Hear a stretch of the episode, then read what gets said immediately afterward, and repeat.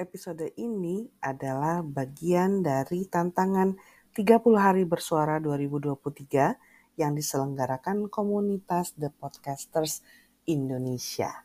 Memasuki bagian ketiga dari bulan ini.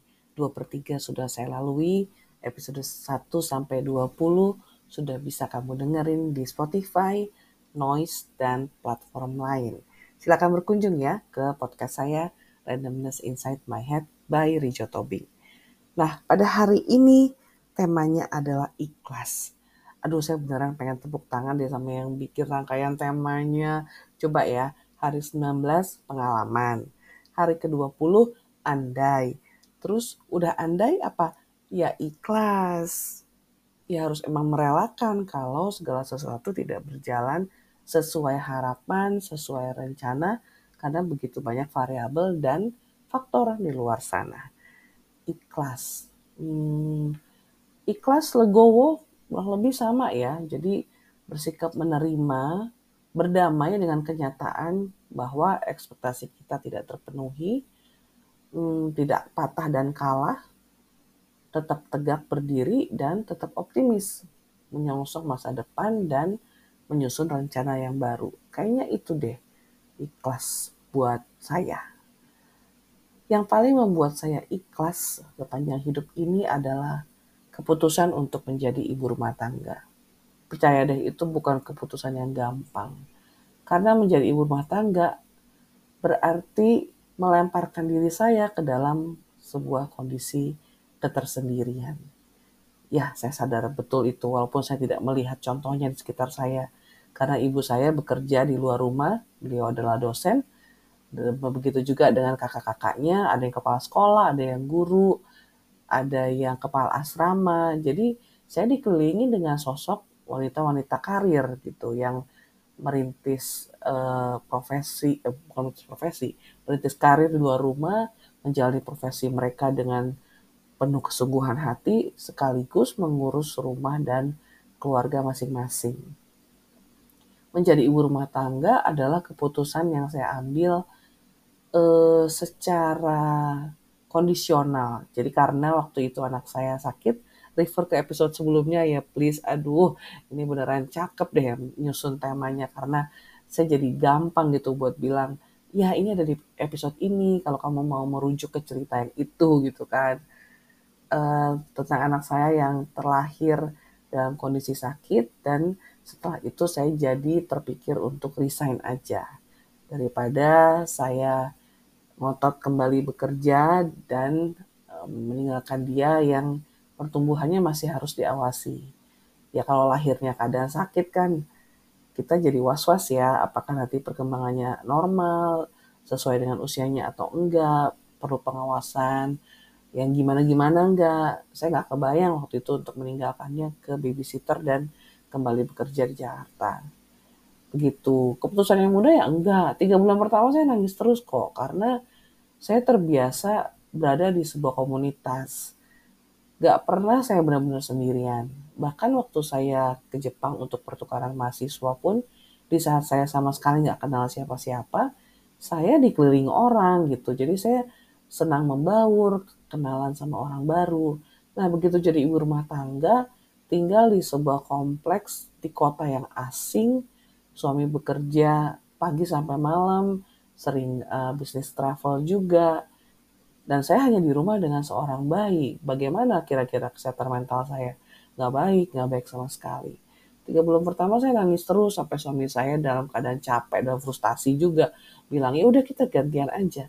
Kamu yang kerja, saya di rumah. Ya nggak mau juga, saya beneran pengen juga untuk membesarkan anak saya sendiri tanpa bantuan siapa pun. Saya pengen benar-benar yang paling tahu tentang dia. Setiap inci dari fisiknya, setiap kebiasaan, kesukaan, saya pengen tahu banget. Bukan karena saya ingin tanda petik e, membalas atau e, kenyataan yang berbeda dari apa yang saya alami waktu kecil. Karena saya waktu kecilnya kan tumbuh dengan keberadaan pembantu ya di rumah karena ibu saya bekerja tapi karena saya memang pengen mendedikasikan porsi hidup saya yang ini untuk keluarga dan anak. Waktu itu belum kebayang punya anak lebih dari satu, tahunya tiga.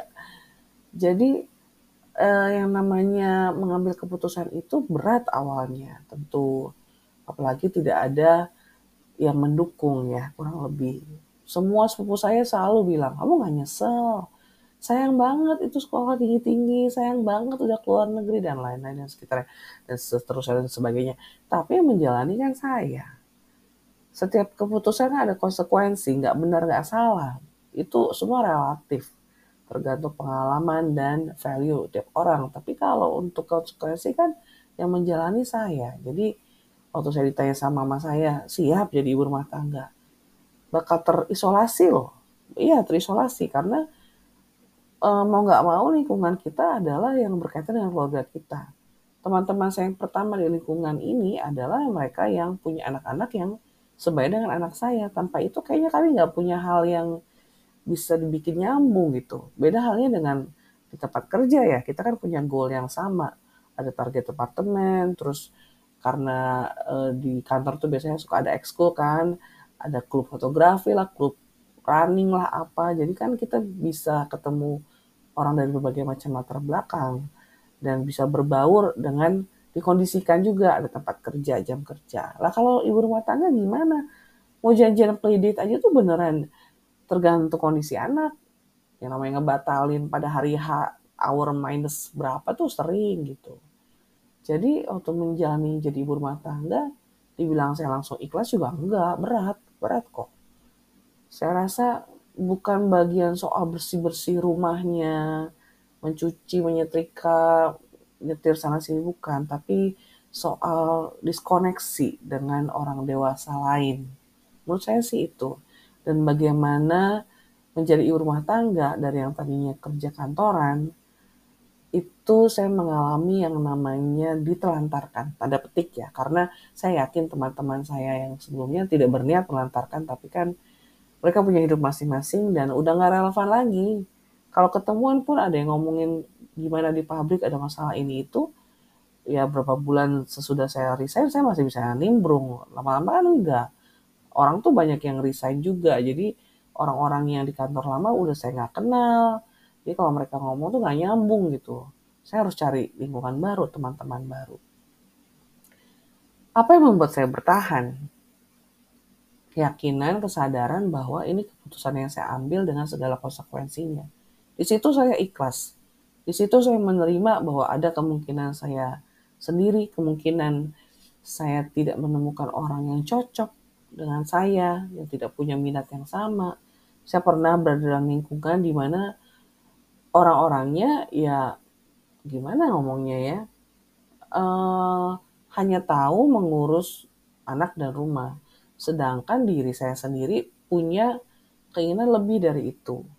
Jadi sebagai ibu rumah tangga pun saya menjalani banyak pekerjaan freelance.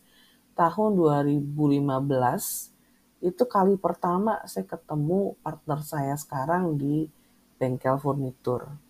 Itu saya dikenalin sama sepupu saya.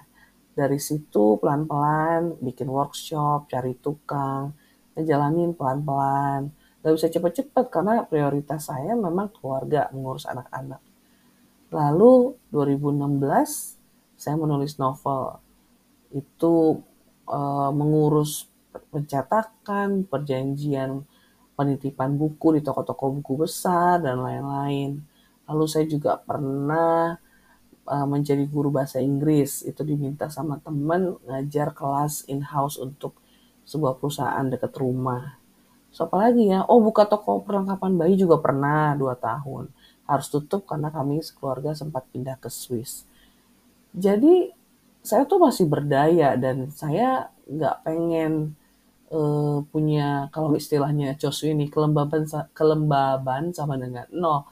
Nggak pengen stagnan gitu. Saya masih pengen pursue many things gitu. Pengen achieve many things bukan untuk glory apa saya enggak tapi karena saya tahu saya dikasih banyak talent uh, apa kapasitas. Jadi saya harus memberi banyak juga ke lingkungan saya gitu. Jadi uh, prinsip saya diberi untuk memberi untuk mem menyalurkan. Itu kayak bejana saya diisi air untuk bisa mengalirkan air ke tempat lain gitu. Jadi waktu menjalaninya berat Cuma perlahan-lahan karena saya bisa melihat masih ada yang bisa saya lakukan kok. Selain menjadi ibu rumah tangga yang memang berfokus pada keluarga, saya ikhlas menjalannya hari demi hari. Apakah ada hari-hari buruk di mana saya menyesal meratapi nasib, uh, berandai-andai? Ada, ada kok. Saat-saat di mana hormon yang bulanan itu datang kan, itu masa-masa paling terpuruk seorang wanita kan, sensi, terus nangis gak jelas, semua pikiran kalut, eh, ngandai-ngandai, kayak gitulah. Alami. Rangkul aja semua proses itu. Cuma jangan berkubang lama-lama menurut saya ya. Harus cepat.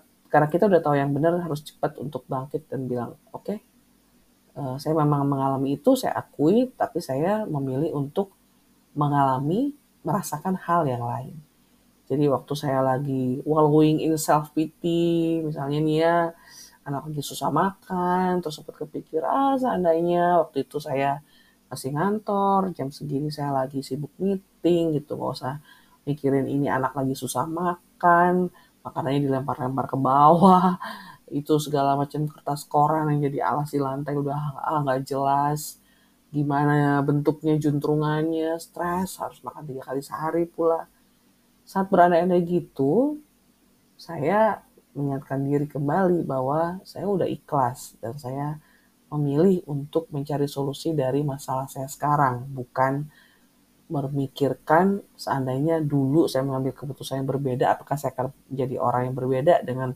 situasi berbeda? Ya pastilah, pasti. Ya, jadi saya ikhlas dengan semua yang sudah saya lalui, saya akui semua perjuangan kesusahan kegembiraan keputusan-keputusan yang salah yang saya ambil. Dan saya juga ingin teman-teman pendengar podcast ini juga ikhlas menjalani hari demi hari, ambil keputusan, ambil apa ya, tindakan dengan segala konsekuensinya, bersiaplah.